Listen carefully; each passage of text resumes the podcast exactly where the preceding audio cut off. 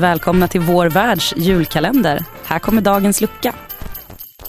Jag heter Björn Enjebo och jag är tidigare programledare för Radio Råsunda.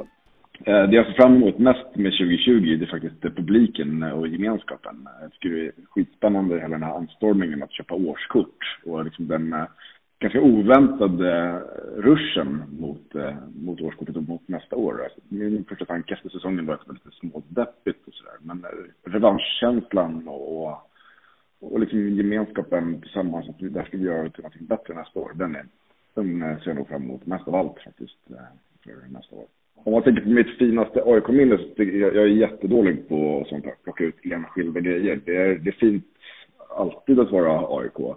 Men eh, att välja enskilda sådär är rätt svårt. Det är lätt att säga typ SM-guld och sådär.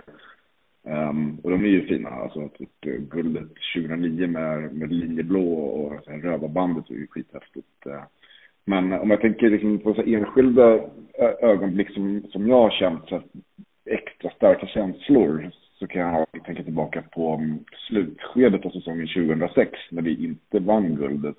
Men när vi hade alltså, jävla fint spel och bra tryck på läktarna och när vi, eh, framförallt matchen mot Malmö FF och IFK Göteborg, men vi satte vi överallt ramsan ganska rejält.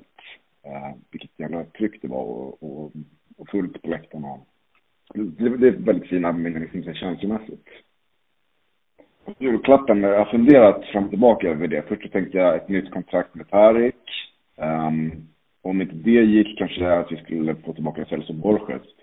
Men så tänker jag lite på Lukas och ser att han skulle tycka att det här var jätte, jättedumt. Um, så att, eh, jag tänker att en julklapp till AIK kan vara en ung och eh, lite dyrare utvecklingsbar spelare som kan sälja för 100 miljoner. Under alla mina år i Radio Råsunda så hade jag eh, en drömgäst som jag aldrig fick göra eh, och det är Martin Mutumba. Så att, um, han, uh, han sa alltid, jag kommer när jag släpper min bok.